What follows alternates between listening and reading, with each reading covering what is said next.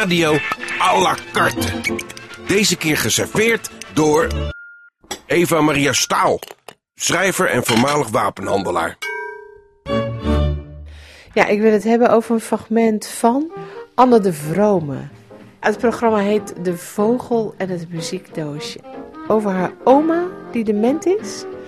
En die oma die heeft haar hele leven voor iedereen gezorgd. Haar leven bestond eigenlijk uit zorgen. En nu wordt ze zelf verzorgd, maar ehm, haar kleindochter heeft bedacht, ze zou eigenlijk weer iets moeten hebben om voor te zorgen. En die vindt op de markt een klein vogeltje, een elektronisch vogeltje, wat eh, zingt als je het aanraakt. En dat neemt ze voor de oma mee. Die oma is daar ontzettend blij mee. En die koestert dat vogeltje ook. En de, familie komt eh, in de dagen daarop bij die oma op bezoek en ligt de hele vloer vol met broodkruimels. Dat vond ik overigens een prachtig beeld. Die oma voert dat vogeltje stukjes brood. En, ehm, en op een dag komen ze en dan is dat vogeltje weg. En dan vraagt de familie, waar is, oma, waar is het vogeltje? En dan zegt ze, dat heb ik laten vliegen. Dat heb ik vrijgelaten.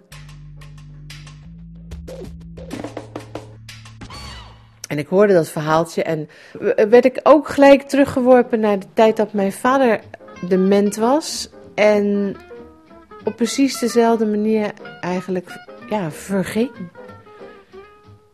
Op een dag kwam ik zijn kamer binnen en toen had hij zijn benen opgetrokken. En dan had hij zijn handen omheen geslagen. En dat was heel erg mager, want hij kon eigenlijk niet meer eten. En uh, had ook een heel rond hoofdje had hij gekregen. Want, uh, nou, ja, hij was zo mager. Ik kan niet anders zeggen dan dat ik vond dat hij een beetje op een baby was gaan lijken.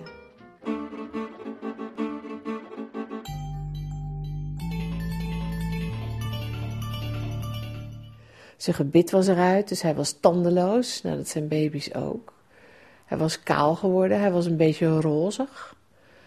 Hij sliep met die benen opgetrokken en ik dacht, het lijkt wel alsof, alsof hij de omgekeerde weg bewandelt.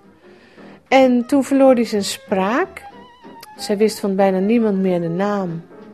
En uiteindelijk hield hij gewoon op met spreken. Hij kon het niet meer. Dat vermogen was gewoon weg.